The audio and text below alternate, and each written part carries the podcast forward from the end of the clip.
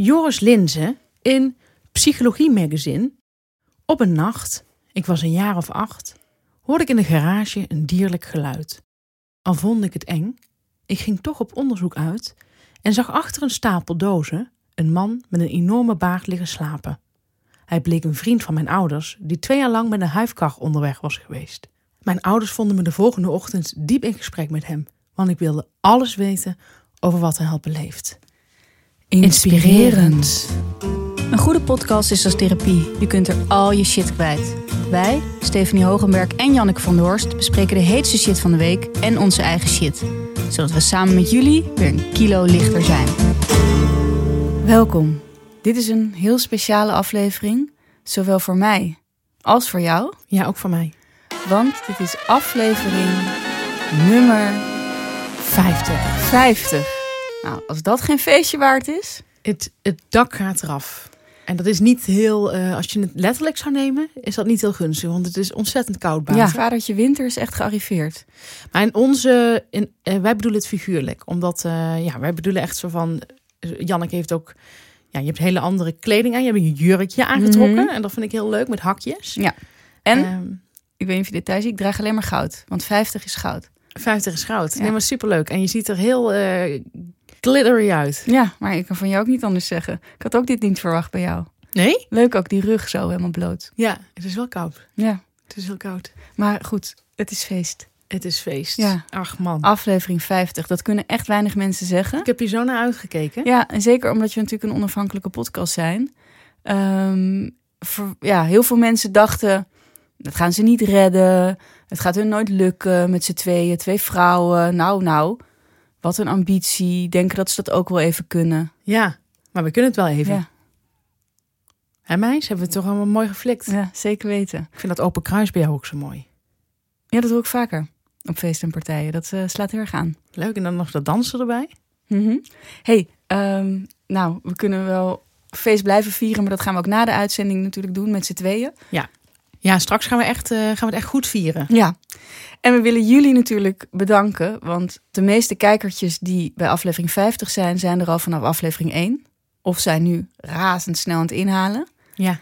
En we willen jullie echt bedanken dat jullie al 50 afleveringen naar ons luisteren.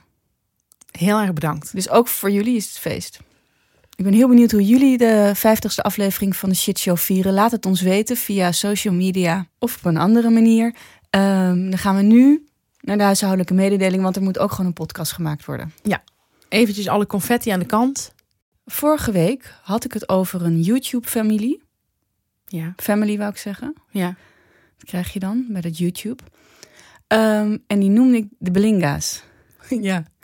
Mensen wisten niet zeker of ik daar de spot mee dreef. Dat, dat was absoluut geen spot van mij. Ik vond dat zo'n beetje Italiaanse, elegante familie. Ja. Dat ik ze een Italiaanse achternaam had toegedicht. Ja. Maar ze heten de Bellinga's. Ja, heel groot verschil. Ja. Heel groot verschil. En daar werd ik op gewezen van meerdere kanten. Alle kanten. Ja, en, dus, bedenken. en wonderlijk, want jij zei van hoe saai die familie is. Maar wij werden van heel veel kanten erop gewezen. Dus er zijn toch best wel veel mensen die hen kennen. Ja, maar ja, ze hebben ook niet voor niets een huis van 1 miljoen kunnen kopen van hun YouTube-hits. Ja, maar Hoe ik had, ik had gehoopt dat wij een hogere standaard hadden. Ja, nee, nee. Hebben wij niet. Dus dat wilde ik eventjes rechtzetten, want ik wilde die familie geen eh, onprettig gevoel geven dat ik hun naam eh, lastig vond uit te spreken of zo. Nee, goed. Ehm, dan had jij nog ook nog iets, een reactie van iemand. Ja. Ja, we kregen een reactie, of beter gezegd, ik kreeg een reactie over eh, iemand had gereageerd op een paar afleveringen geleden, waarin ik vertelde dat iemand van mijn middelbare school, met wie ik toen destijds een crush had, dat die eh, mij belde en alleen maar over zichzelf sprak. Ja, en een beetje uit het niets. Ja, uit het totaal het niets en mij ook geen enkele vraag stelde. Nou, daar kwam nu een reactie op. is iemand die dus niet helemaal synchroon loopt met de, met de huidige afleveringen. Maar dat, dat is verder niet erg. Dat is geen Nee, dat, net als met lezen. Snel als met lezen. Beste Stefanie, ik ben gelukkig, want ik luister sinds kort de Shit Show en ik heb alles in één week geluisterd. Ik was onder medicatie, maar kill. Wat een lekkere pokko droppen, jullie. Er is alleen één geval waar ik je voor moet waarschuwen. En dat is de man tussen 38 en 48 jaar. Het is eigenlijk van alle leeftijden, maar in deze leeftijdsfase komt het vaker voor. Het fenomeen ballenbads. Het spijt mij om te zeggen, maar jij bent naar mijn weten al twee keer geballenflitst. In aflevering 45 sprak je over twee voorvallen waarbij mannen na langere tijd het initiatief namen om je te bellen en vervolgens alleen over zichzelf spraken. Hun plotselinge opkomen deed je doen belanden in een wat verraste houding van actief vragen hoe hun leven ging. Zij vroegen niks. Het spijt mij om te zeggen, maar jij bent geballenflitst. Ballenflitsen, dubbele punt. Een uniek natuurlijk fenomeen in het menselijk bestaan. Vaak zie je in de natuur dominant mannelijk gedrag. Het slaan op de borst bij gorilla's. Het onderpissen van zichzelf door edelherten. Of wat dacht je van de grote opgeblazen neus van een zeeolifant? Dat gaat om domineren, om gezien te worden. Bij ballenflitsen is het net weer iets anders. De man zit vaak in een langere relatie, maar heeft zelf een iets lager libido, dan wel demonen in zijn hoofd.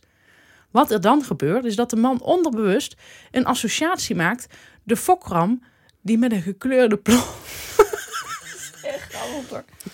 Die met een gekleurde blok onder zich de ooien kleurt, zodat de boer weet welke ram welke ooi heeft bevrucht. Het is de reu die zijn vaste plekjes ruikt om zijn plasje te doen. Ballenflitsen is niets meer dan een erg sterke drang om mensen uit het verleden waarvan zij dachten dat er lichamelijke interactie mogelijk was, of zelfs is geweest, nog even te peilen.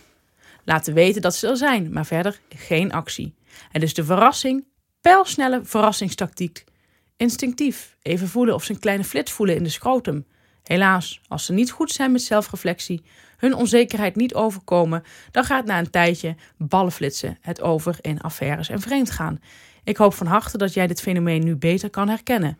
Het overvallen worden, als mede ballenflits worden, gaat in je hoofd zitten. Je kan deze man in nood, want dat is hij, helpen door hem te confronteren. Hardheid is wat de ballenflitser nodig heeft. Ballenflitsen is dus vooral een instinctief, onderzoekend gedrag. Er zit niks redelijks aan. Het is nog niet erg seksueel, maar omdat het instinct is, heeft de ballenflitser iets corrigerends nodig. Ik hoop dat deze handvat helpt. Nou, Nou, ik, inspirerend zou ik willen zeggen. ja, hier hebben we denk ik heel veel aan. Al Ja. onze kijkertjes. Dank je. Stef, heb jij nog tv gekeken? Ja, de docu van Harry en Meghan. Oh ja? Ja, Heb je hem helemaal gekeken? helemaal. Ja, en dat doe je zo weer voor ons. Ja. Nou, ja. Ja, nee, alleen voor jullie. Mm. Drie uur lang. Ja? Ehm, ja, wat zal ik zeggen?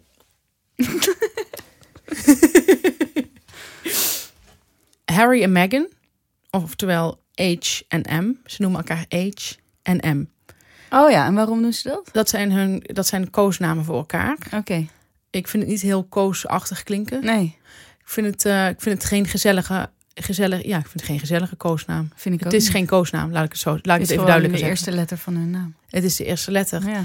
En wat ik daar ook meteen wil bij wil zeggen, wat ik storend vind, is dat zij in de camera, dus dat ze elkaar zo noemen, dat is tot daar aan toe. Maar dat ze in de camera ook over elkaar praten met H en M, dat vind ik sowieso vrij achterlijk als mensen ehm, een koosnaam voor iemand gaan gebruiken tegen jou. Ja. Dus ik vertel tegen jou iets over een vriendin van mij. Die zou ik dan, in plaats van dat ze, ik zeg even, ze heet Melanie. Maar dan zou ik haar de hele tijd Mel gaan noemen tegen jou. Ja, ik vind dat achterlijk. ja, als ik haar niet ken. Ja, maar zelfs als je haar kent, vind ik het een beetje debiel. Ik vind het een beetje in de categorie papa-mama zeggen tegen de derde. Nou, dat is mijn eerste punt. Nou, zij wilde heel graag hun verhaal vertellen. Ja. Want dat zie je ook in het voorfilmpje. Megan zegt dan, eh, M, van eh, ja, er hebben zoveel mensen iets over ons gezegd. Maar zou het niet logischer zijn om het verhaal van ons te horen? Maar dat zegt ze dan in het Engels, in het Amerikaans. Nou, dit, dit, dit trekt je het verhaal binnen. Ja.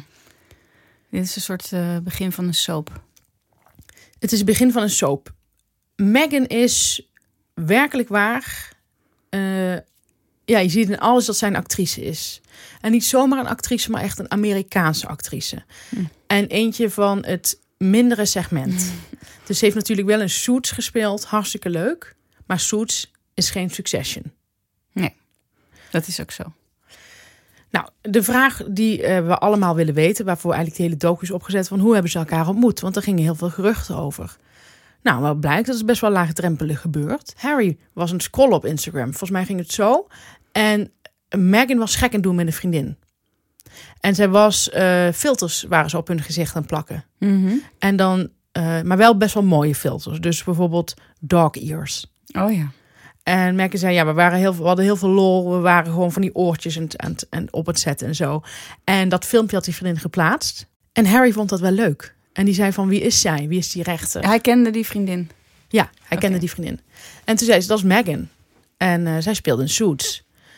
Nou, zei H, dat, eh, daar wil ik wel meer van weten. En toen zei Megan van, eh, toen vroeg die vriendin voor Megan, mag ze jouw profiel zien op Instagram? Want dat was afgesloten. Hij had het afgesloten, omdat hij een prins is. En toen, dat mocht van Harry, H. Mhm.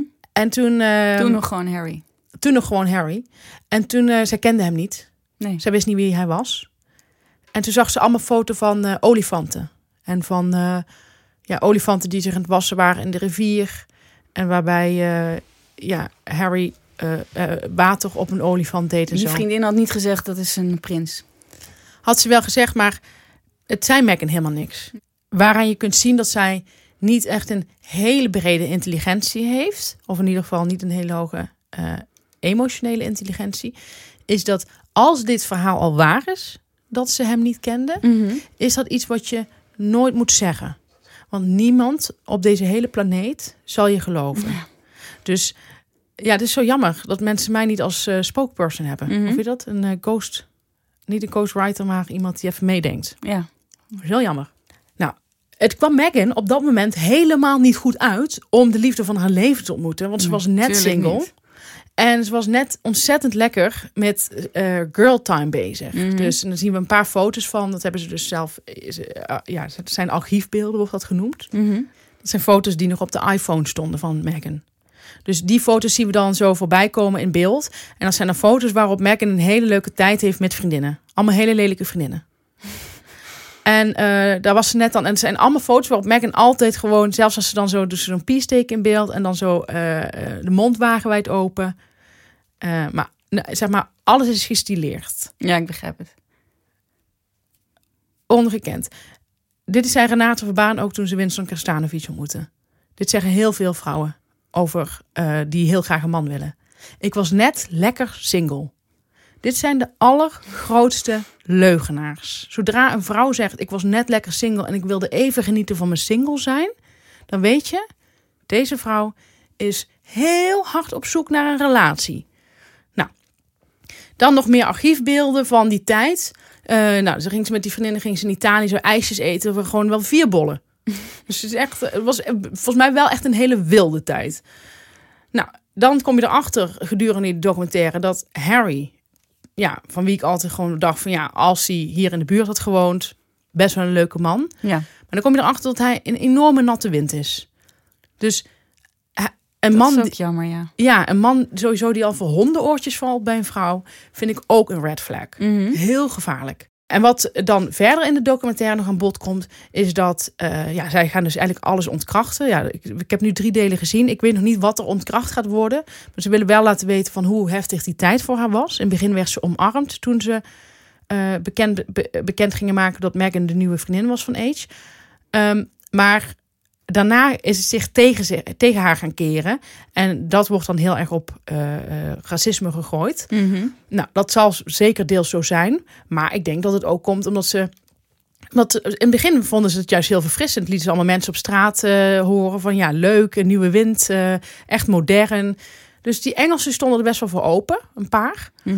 Maar gek genoeg, en, de- en de kranten waren in het begin ook nog heel positief. En ergens is het, is het dus helemaal omgedraaid. En ja, ik denk zelf dat, dat de Engelsen ook helemaal niet van slechte actrices houden. Ja. Ja. weet je, je hebt toch een wat hogere standaard. Ja. Europese film. Ehm, nou goed. En, dan heb je ook nog in de documentaire allemaal vrienden die gaan vertellen, die hun kant van het verhaal gaan vertellen. Welk verhaal? Het verhaal dat H en M op elkaar verliefd werden. Dus er zit één Spanjaard bij, dat is een vriend van H. En die zegt, I know when I saw him, uh, he uh, just met Megan and dit is meer Italiaans denk ik. En uh, it was the eyes, he had the eyes of someone who had just fallen in love. En dit zijn dan getuigen. Ja. En dit, dit moeten hele bijzondere, eh, ja, dit zijn hele bijzondere getuigen die echt, eh, ja, iets hebben gezien wat wij, waar wij niet bij waren. Ja.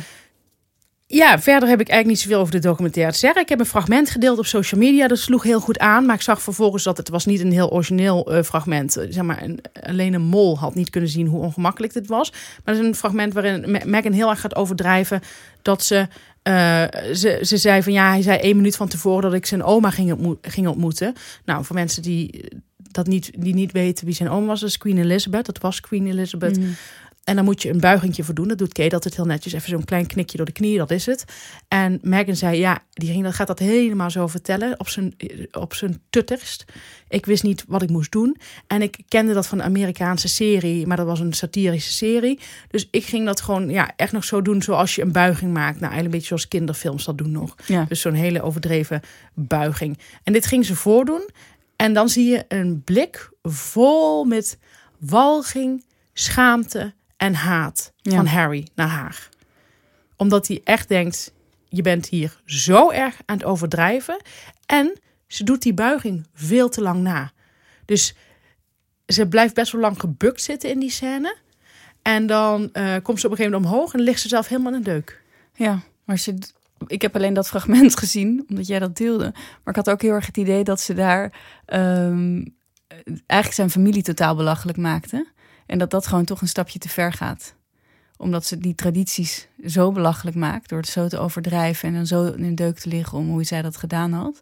Voelt het ook een beetje als eigenlijk die Engelse, eh, het Engelse koningshuis. Net iets te belachelijk te maken. Oh, grappig, dat had ik nog niet eens eruit gehaald. Ik dacht alleen dat zij, zij ik, wat, wat ik denk dat zij probeerde is zelfspot. Zo van dat ze het niet wist en dat ze dan zo... Het kwam voor mij heel erg ehm, denigerend ook over naar de Queen. Ik denk dat ze Maar ik heb alleen maar dat fragmentje gezien, dus ik heb niet het verhaal eromheen gehoord. Ja, maar het fragment zegt op zich genoeg. Ik denk dat het niet. Ik denk dat het. Ik denk dat het hele, hele slechte zelfspot is. Gewoon van die. Ja. Mensen die dom zijn met zelfspot. Want ze heeft geen zelfspot. Nee. Dus. En dan gaat ze toch iets. En dat, dat is, dan krijg je dit. Dat je zo'n. eh dat Ja, je, in Engels zijn, ja, Harry is denk ik wel heel streng op humor, toch? Maar ja, dan was hij niet met haar geweest. Nee, ja, van- eh, Harry is wel. Ja. Tegengevallen. Heel erg dat we allemaal een beeld van Harry hadden als een heel leuke, super grappige man. Ja. Nou, volgens mij komen er nog drie delen. Ik heb ervan genoten, maar het was wel ook een hele oppervlakkige documentaire. Ja. Ongelooflijk. hele oppervlakkige mensen zijn. Ja, ja. Nou, dat was het.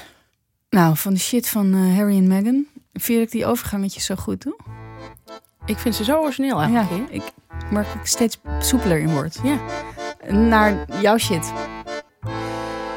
Mijn shit. Nou, mijn shit is het volgende. Ik ga het proberen het verhaal zo anoniem mogelijk te vertellen. Ehm, wij maken vaker mee dat we op, onze, op ons shitshow-account complimenten krijgen. Ja. DM's. Vinden wij heel erg leuk. Vinden wij allebei heel erg leuk. Ja. Vinden we, ja, nou nogmaals, heel erg leuk. Blijven doen. Ja, blijven doen. Wij kregen een mailtje van iemand in de media, die in de media werkzaam is. Was een mailtje met heel veel eh, complimenten over de shitshow. Ja. Heel erg leuk. Diegene had eh, zin om samen met ons een project te doen. Wij waren op dat moment echt heel erg druk met van alles nog wat. En we waren ook nog afscheid aan het nemen bij, eh, ons, voor, bij het vorige podcastbedrijf. Nou, we Ja. hadden heel veel gedoe. Dus het kwam voor ons op dat moment niet goed uit. Nou, uiteindelijk, toen zei diegene, ja, ik wil, maar ik wil toch gewoon graag even één keer met jullie praten. En daarna mogen jullie me afwijzen. Maar dan heb ik gewoon, dan kan ik slapen. Dus dezegene was, e- de- deze persoon was echt heel enthousiast. Ja. Dus wij zijn daar naartoe gegaan. Het was een heel leuk gesprek. Vonden wij allebei een heel leuk gesprek. Ehm, nou, nog meer complimenten gekregen. Hartstikke fijn. Hele goede dag doorgehad. Hartstikke leuk. Eh, diegene zei, wil je, wil je aan, eh, aan me denken als jullie eh, plannen hebben, grotere plannen, ja, en ze la. had nog een vriend ergens. ja, op een Ze- heel belangrijke positie. Ja, die zou ze dan met ons in contact brengen. Ja, nou dat, dat zou sowieso gebeuren. Daar hoefden we niet voor te happen eerst. Ze zei van, zal ik hem laten mailen? Ja, zeiden wij, is Ja. goed. Nou, nooit meer een mail gekregen, is Nee. verder niet erg. Zo lopen die dingen. Wij, wij zijn gepokt en gemazeld op dit Mm, gebied. Ja. Dus wat dat betreft geen blaam. Ehm, vervolgens heb ik, ik heb ook best wel vaak... Dus deze persoon begon ons op, eh, op Instagram te volgen. En eh, wij volgden deze persoon terug. En eh, ik heb ook nog vaker zo wat DM's uitgewisseld. Want dan reageerden we op stories van elkaar. En nou, dus dat was allemaal, allemaal leuk. Nu kwam ik gisteren deze persoon tegen in het echt. En die deed alsof ze mij niet zag. Hm.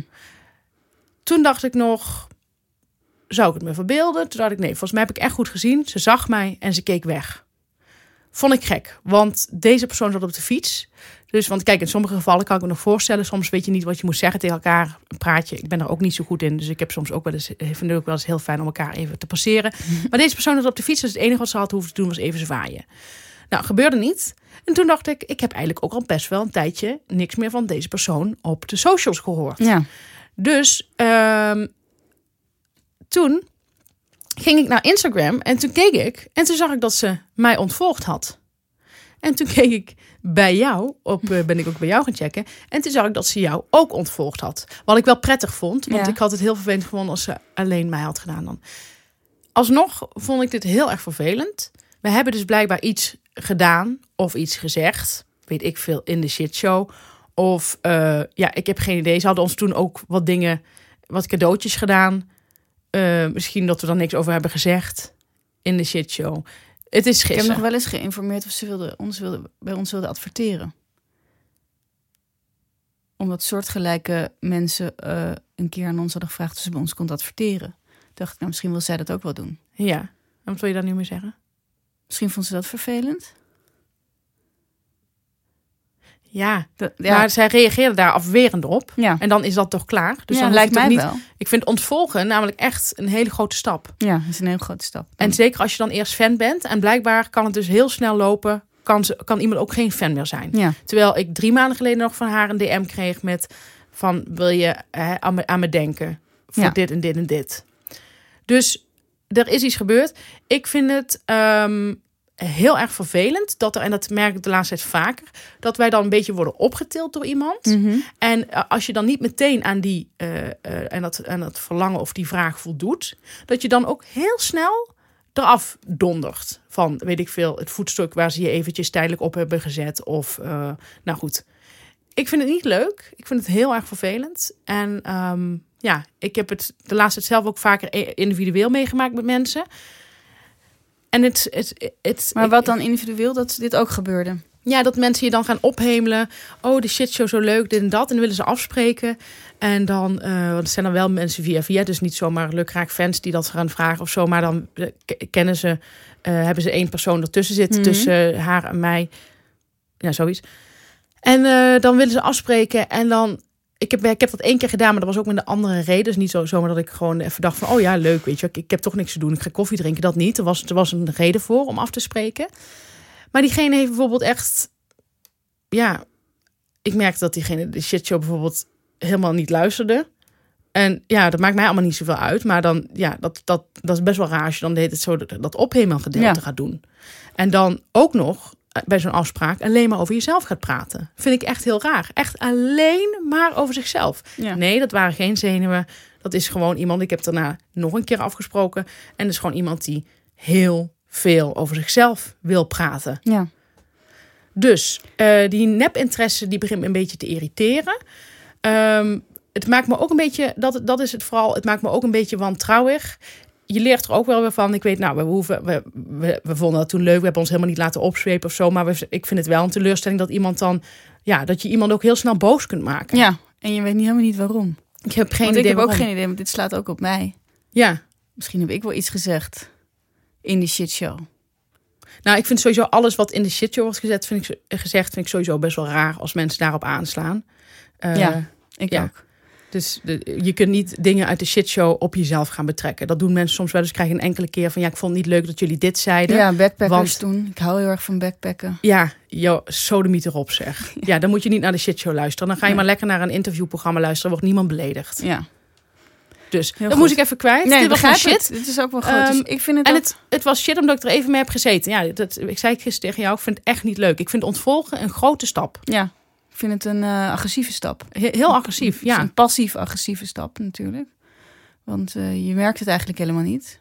Totdat je het opeens ontdekt. Ja, En ik vind het ook... ehm, En ook geen gedag meer zeggen op straat vind ik ook, ja, Ja, ik vind het heel ver gaan. ja. Ja, voor iets waarvan wij helemaal niet weten wat we hebben gedaan. We hebben zelf helemaal geen idee of we iets hebben gezegd, in welke richting we het moeten zoeken. Of dat het de afwijzing is, omdat we niet met deze persoon in zee gaan. Nou ja, Ja, het is heel merkwaardig gedrag. Wat misschien zou kunnen is dat het iemand is die heel snel heel erg fan van mensen wordt. Die mensen heel erg ophemelt. En misschien heeft de therapeut wel gezegd van misschien moet je daar eens mee ophouden en een beetje afstand nemen. gods, heb ik er nog helemaal niet naar gekeken. Dus dat we het niet zo bij ons moeten zoeken, maar dat het iets van haar is. Nou ja, zij is wel iemand die vaker mensen volgens mij op een voetstuk zet. Ja, eh, te zien aan, aan, aan de, aan de eh, inhoud op social media. ja. Dus wat dat betreft zou het kunnen, inderdaad. Dat, het, dat iemand heeft gezegd van probeer er wat af te remmen. Ja. Nou, ik eh, leg het ook helemaal buiten mezelf. Ik leg het bij deze persoon. Maar eh, mensen die vanaf nu nog bij ons eh, willen komen met complimentjes, doe het. Omdat je het aan ons wil geven, het compliment. En niet omdat je dan iets, Ook iets terug wil. Ja, iets terug wil. Want dan, dan heeft een compliment gewoon eigenlijk helemaal niet zoveel zin. Goed gezegd. Dank je. Wat was jouw shit? Nou, mijn shit van de week was dat ik erachter kwam dat ik ontvolgd ben door iemand die ons een paar maanden geleden nog heel eh, complimenteus ontving. Godverdomme zeg. Ja, Wat kloten voor je. ja. Ik weet precies hoe jij je voelt.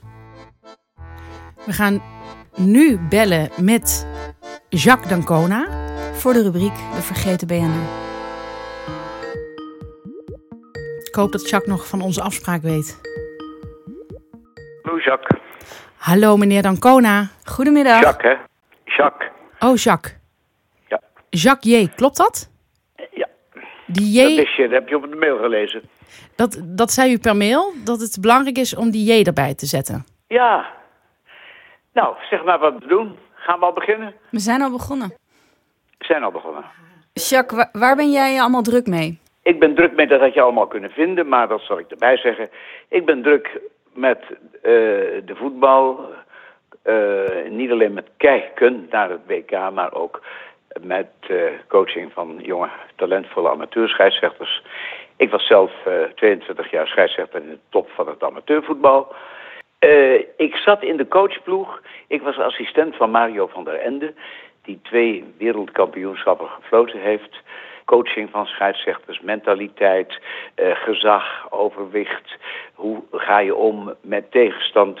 Eh, hoe ga je om met jezelf? Kortom, dat soort dingen spelen allemaal mee bij het scheidsrechteren. En ik ben verder natuurlijk bezig met recenseren. Dus gisteravond zag ik in Groningen de voorstelling Holiday on Ice. Na tien jaar eh, terug in Groningen, alle corona doorstaan. En een grote voorstelling met 28 man op de ijsvloer. Eh, en eh, een groot productieteam daarachter met computergestuurde spots en door mensen bema- bemande spots. En topmensen die in het verleden sportmensen natuurlijk waren. En die dan een artistieke carrière kiezen. En eh, gaan kunst rijden en gaan deelnemen aan zo'n grote show. Een van de grootste shows ter wereld, Holiday on Ice.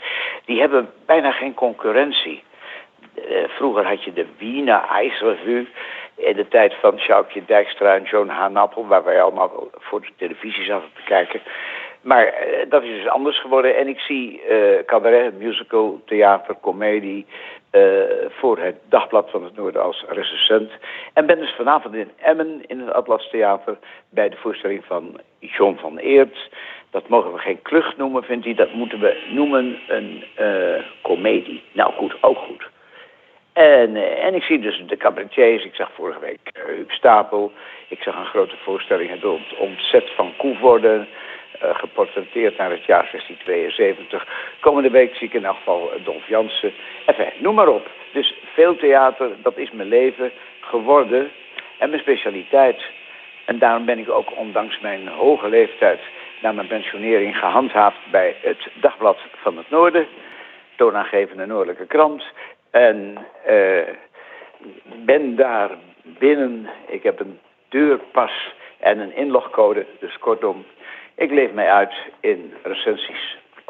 In een notendop is dit, neem ik aan. Want er is volgens mij nog veel meer, of niet, wat je doet. Ja, daar is wel meer. Ik doe ook presentaties. eh, en eh, meedoen met goede doelen af en toe. Dus spreken bij een uitvaart. En dat is dan allemaal uiteraard zonder honorarium. Hartstikke mijn- mooi.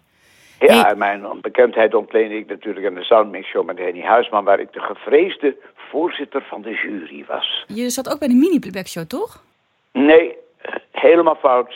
Nooit ingezeten. Soundmix Show. Mini Playback Show was Show. onder leiding van Tony Eijk, de, musicus, de, de, de, muzikus Ja. en componist. En ik deed alleen de Soundmix Show, want ik wilde niet met kinderen werken.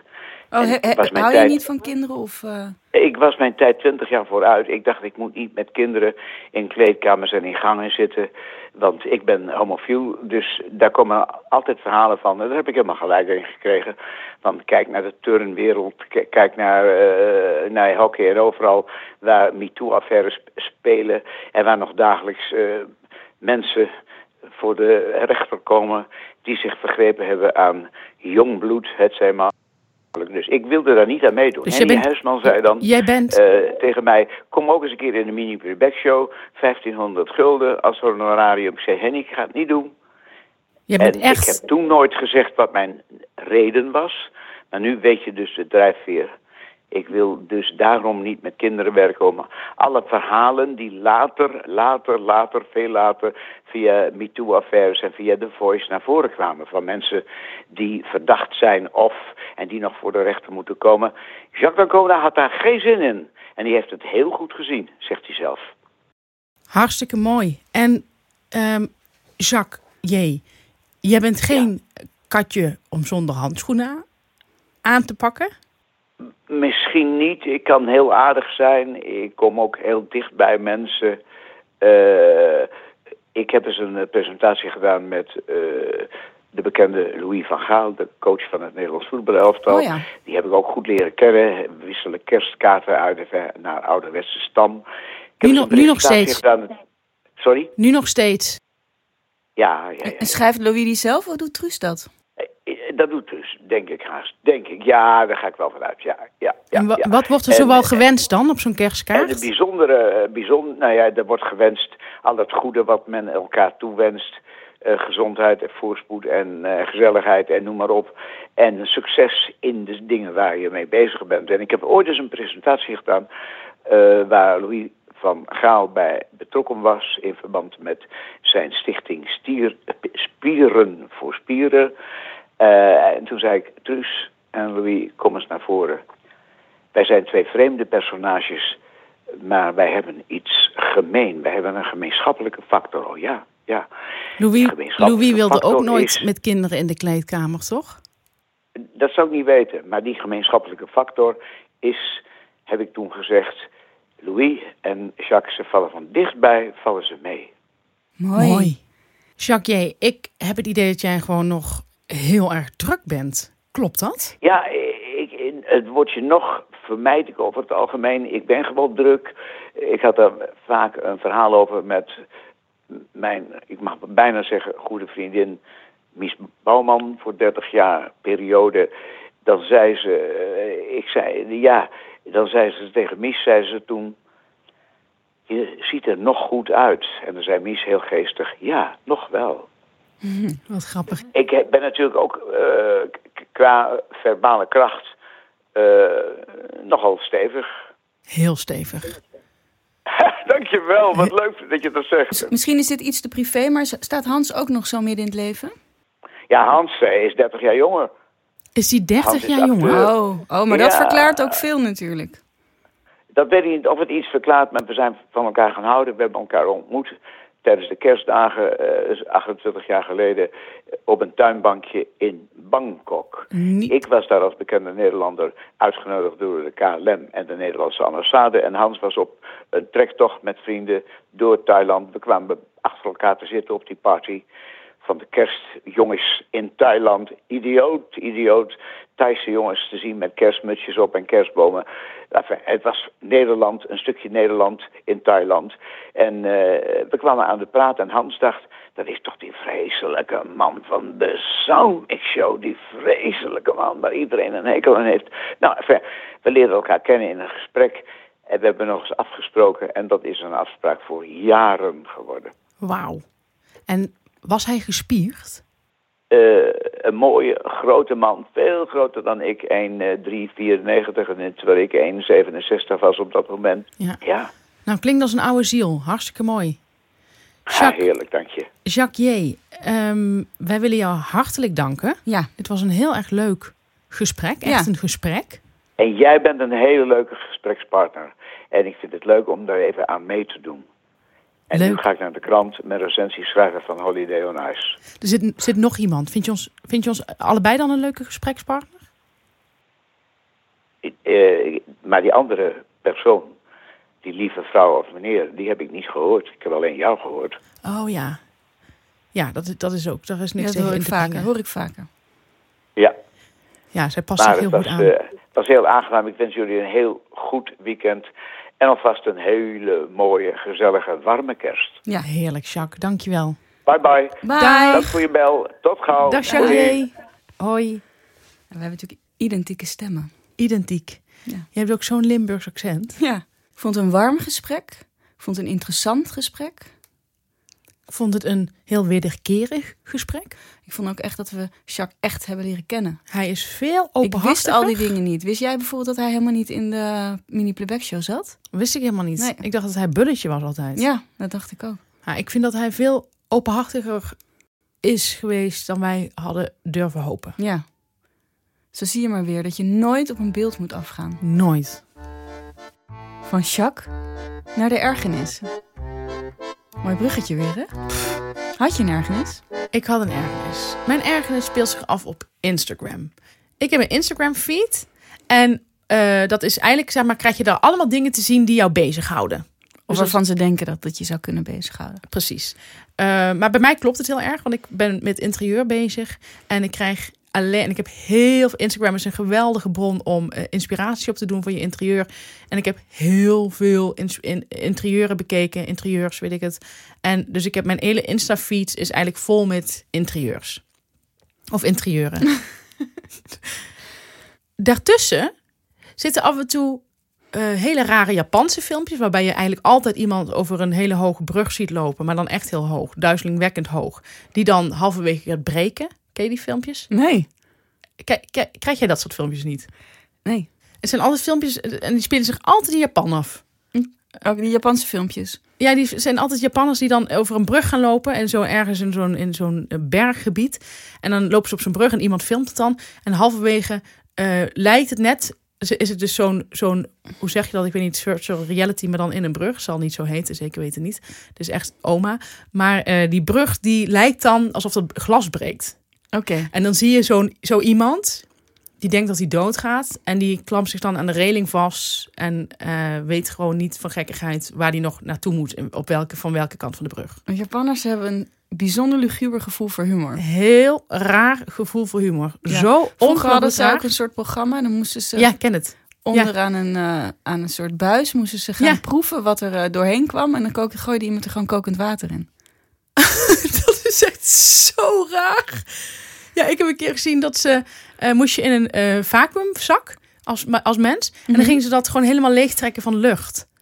Dus dan was je gewoon... Stikken. Stik, was je gewoon een paar seconden stikken. Oké. En je kan er ook niet je duim op steken van... Ja, nu wel Japanners liggen dan echt helemaal aan de deuk. Dat is zo raar. Ja, en fascinerend. Ja. Nou goed, dus dit is een beetje hetzelfde. Maar ik heb ook Maar het is niet toe... echt dus.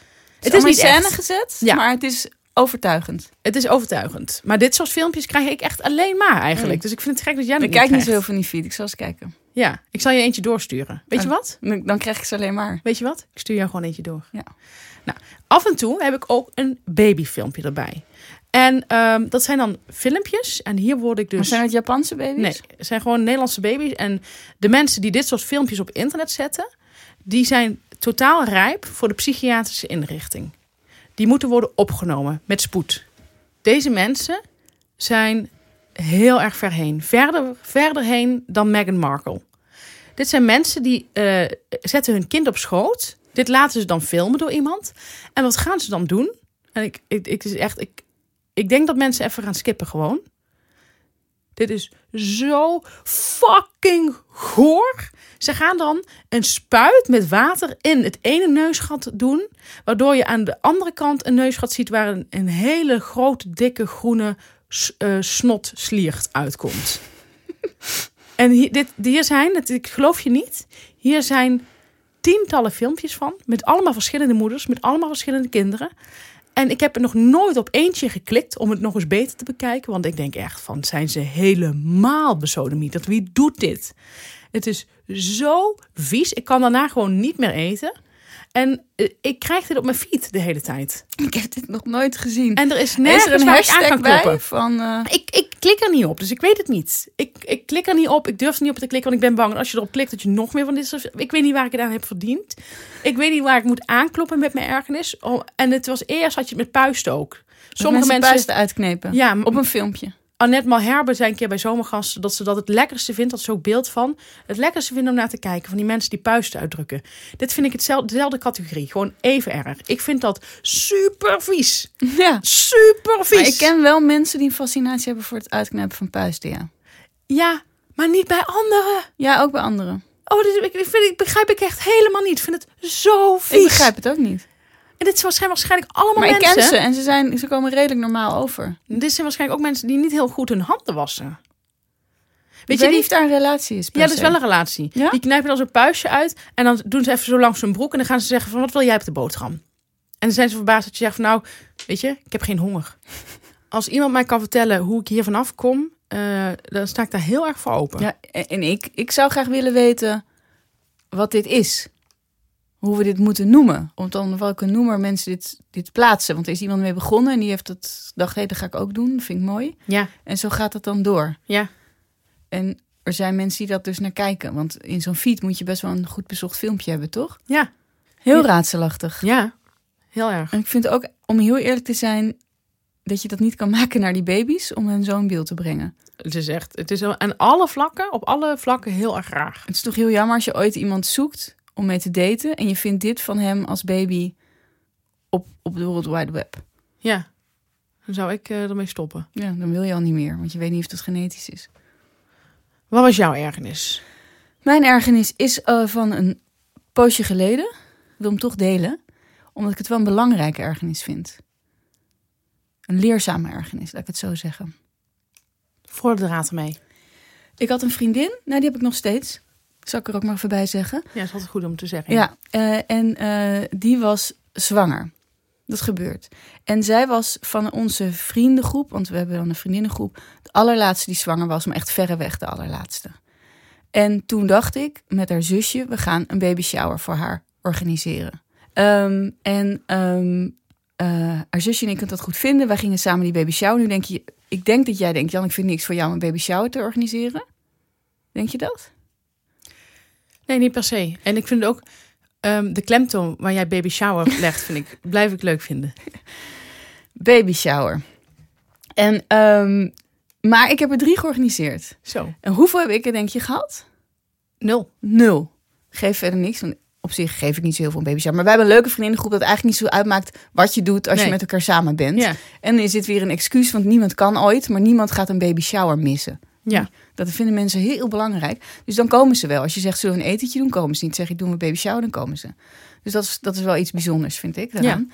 Dus dan ben je weer met z'n allen samen. Maar goed, wij moesten dus een gastenlijst gaan bedenken. Wie komen er? Ik wil het eigenlijk alleen doen met mijn eigen vriendinnen en nog een paar vriendinnen die ik kende. Tuurlijk met zusjes, schoonzus, dat soort mensen. Gewoon die mensen die je kent. Dan wordt het gezellig. We deden het ook s'avonds. Want ik vind ik ook gezelliger. Want dan ga je gewoon eten en wat drinken erbij.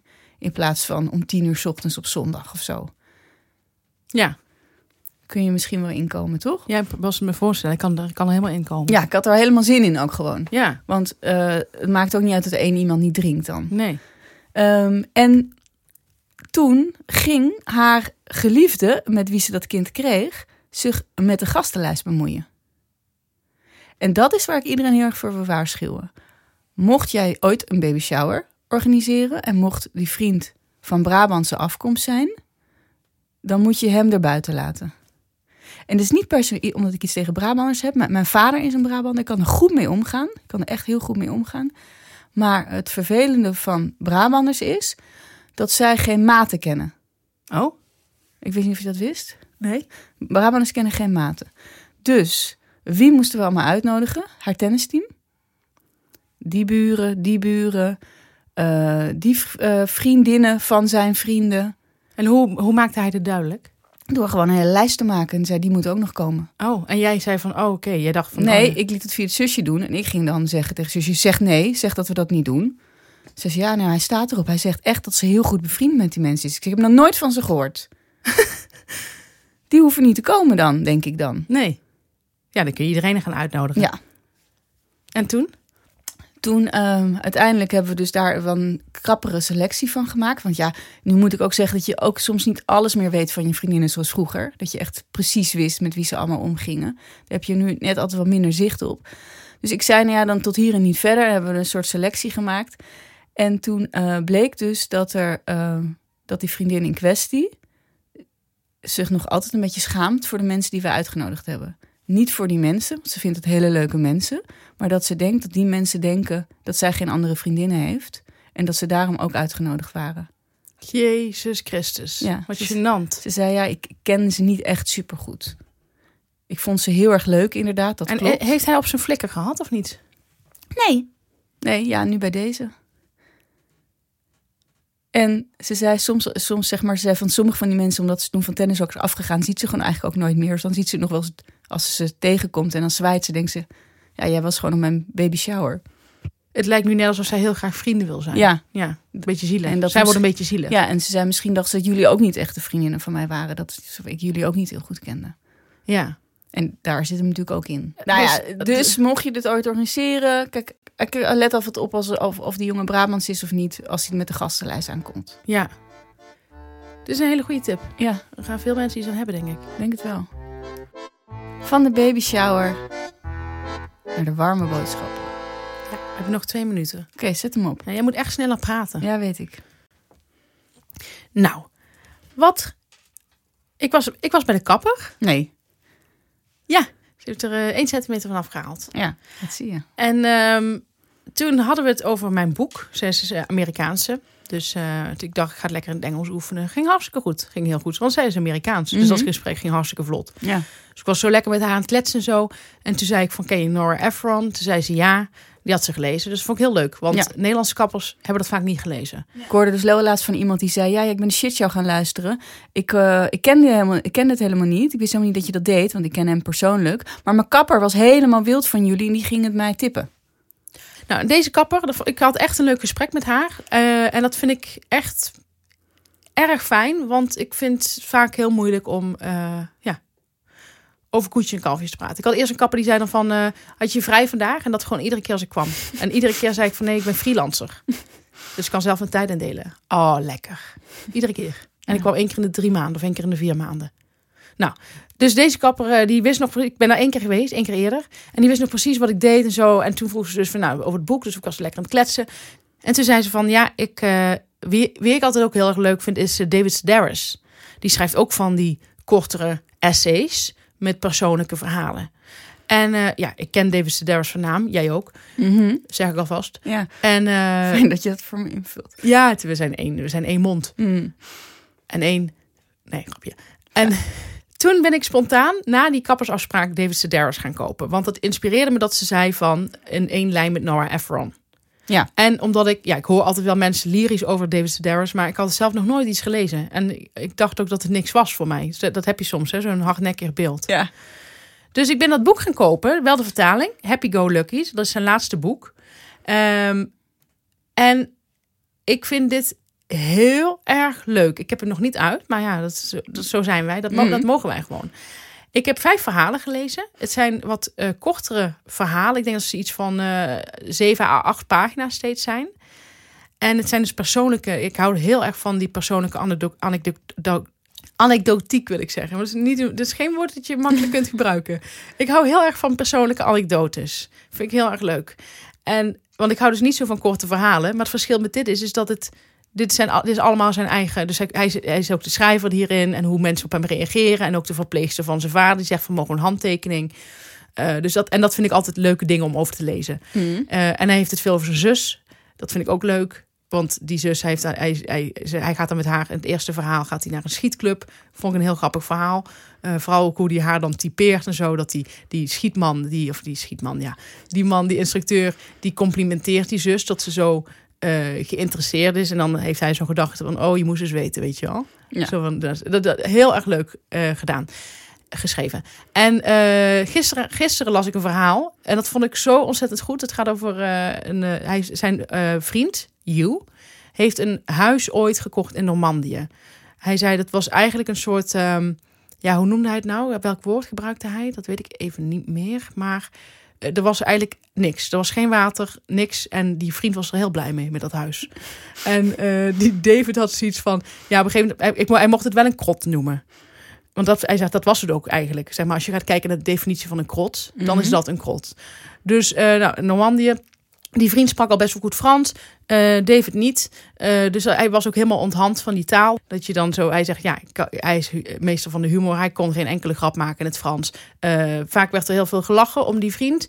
Hij moest dan de tijd vragen van, ja, wat, wat zeiden ze? Maar hij vond zijn vriend ook niet een supergoeie vertaler. Want hij kreeg dan alsnog niet echt de, de kern te pakken van wat daar was gezegd. Want hij dacht, daar kunnen mensen niet zo hard om lachen. Dus nou, dat, dat, beschrijft hij dan een beetje zo. Maar op een gegeven moment gaat hij iets dieper. Dus nog steeds met humor, maar wel echt uh, een, een, ja, ik vind kwetsbaar altijd zo'n moeilijk woord. Maar ja, best wel een kwetsbaar verhaal. De overbuurjongen van dat huis in Normandië. En op een gegeven moment is het helemaal, hebben ze het opgeknapt en zo. En hè, het is wat mooier geworden. Ze komen elke zomer. Hij gaat beter Frans leren spreken. Uh, dus hij begint elke zomer, kan hij steeds meer aan gesprekken deelnemen. En die overbuurjongen, die is 12 jaar. En die overbuurvrouw heeft gevraagd of David dan uh, in het Frans. Of ze dan met hem, uh, of, hij, of hij met die kinderen een tocht wil maken, een wandeltocht naar het strand. Nou, dat doet hij. En dan gaat die jongen de hele tijd op David leunen bij, het, bij de wandeling. Dus uh, ze moeten dan blijkbaar een berg op of zo. En dan gaat hij tegen de billen van David leunen. Maar dan ook heel duidelijk bij zijn, ja, best wel zeg maar hem heel erg aanraken. Mhm. Mm -hmm. en dan komt hij thuis bij You en dan zegt hij van, zou dat kunnen dat je wordt aangerand eigenlijk door een twaalfjarig kind? Dat is dus, vind ik heel grappig. Mhm. Mm -hmm. Maar er zit natuurlijk wel onder dat die jongen zijn homoseksualiteit aan het ontdekken is. En dat David had herkend ook weer van zichzelf hoe hij met die homoseksualiteit omging. Dat hij met zijn vader heel graag wilde knuffelen vroeger. Dat hij dan naast zijn vader op de bank ging zitten. En nou goed, ik kan er uren over praten. Um, maar ik vond het. Ik, ik vind het echt een aanrader. Ik denk dat jij het ook heel erg leuk vindt. Ja, ik heb volgens mij ook iets van hem thuis, maar nog nooit gelezen. Je kent het wel. Ja, ik had ook Eekhoorn zoekt Eekhoorn. Nooit een pagina in open, open geslagen koffer sprak me niet aan. Ik vind, dit, ik vind dit echt een heel mooi omslag. Ook in het Engels is die heel mooi. Hij heeft een heel an, ander omslag in het Engels. Dat vind ik eigenlijk nog wel iets mooier. Iets, maar iets grimmiger met clowns. En dan ook zwart-wit. Maar uh, dus met pianootjes. Met pianotoetsen. Nou, uh, Happy Go Lucky van David Sedaris. Ja, je moet echt even snel je verhaal vertellen. Want we hebben echt heel, heel weinig tijd nog. Ik ga mijn best doen. Wat was jouw warme boodschap? Mijn warme boodschap is een documentaire op Netflix. Crazy Not Insane. Disclaimer. Door de wildgroei aan streamingdiensten zeg ik hier per abuis dat deze documentaire op Netflix te zien is. Dit moet HBO Max zijn. Um, daar kwam ik toevallig op, omdat ik, ja, ik kende die naam Dorothy Lewis wel. En ik kwam, toevallig kwam ik dat tegen. Misschien ook in mijn soort van tips of zo op Netflix, ik weet het niet meer. Maar in ieder geval ging ik die film kijken. En uh, het is een uh, documentaire over de forensische psychiater Dorothy Lewis. En uh, misschien kennen jullie haar, want uh, ik kende haar naam eigenlijk van de Ted Bundy case. Zij was Ja. de laatste die Ted Bundy heeft gesproken uh, voordat hij um, op de stoel ging. Oké. Om het even netjes te Ik zeggen. wist helemaal niet dat Ted Bundy op de stoel eh, ging. Ja. God En- hebben zijn ziel. En eh, wat ik er interessant aan vind is, eh, het is een heel ontzettend leuke vrouw. Heel slim.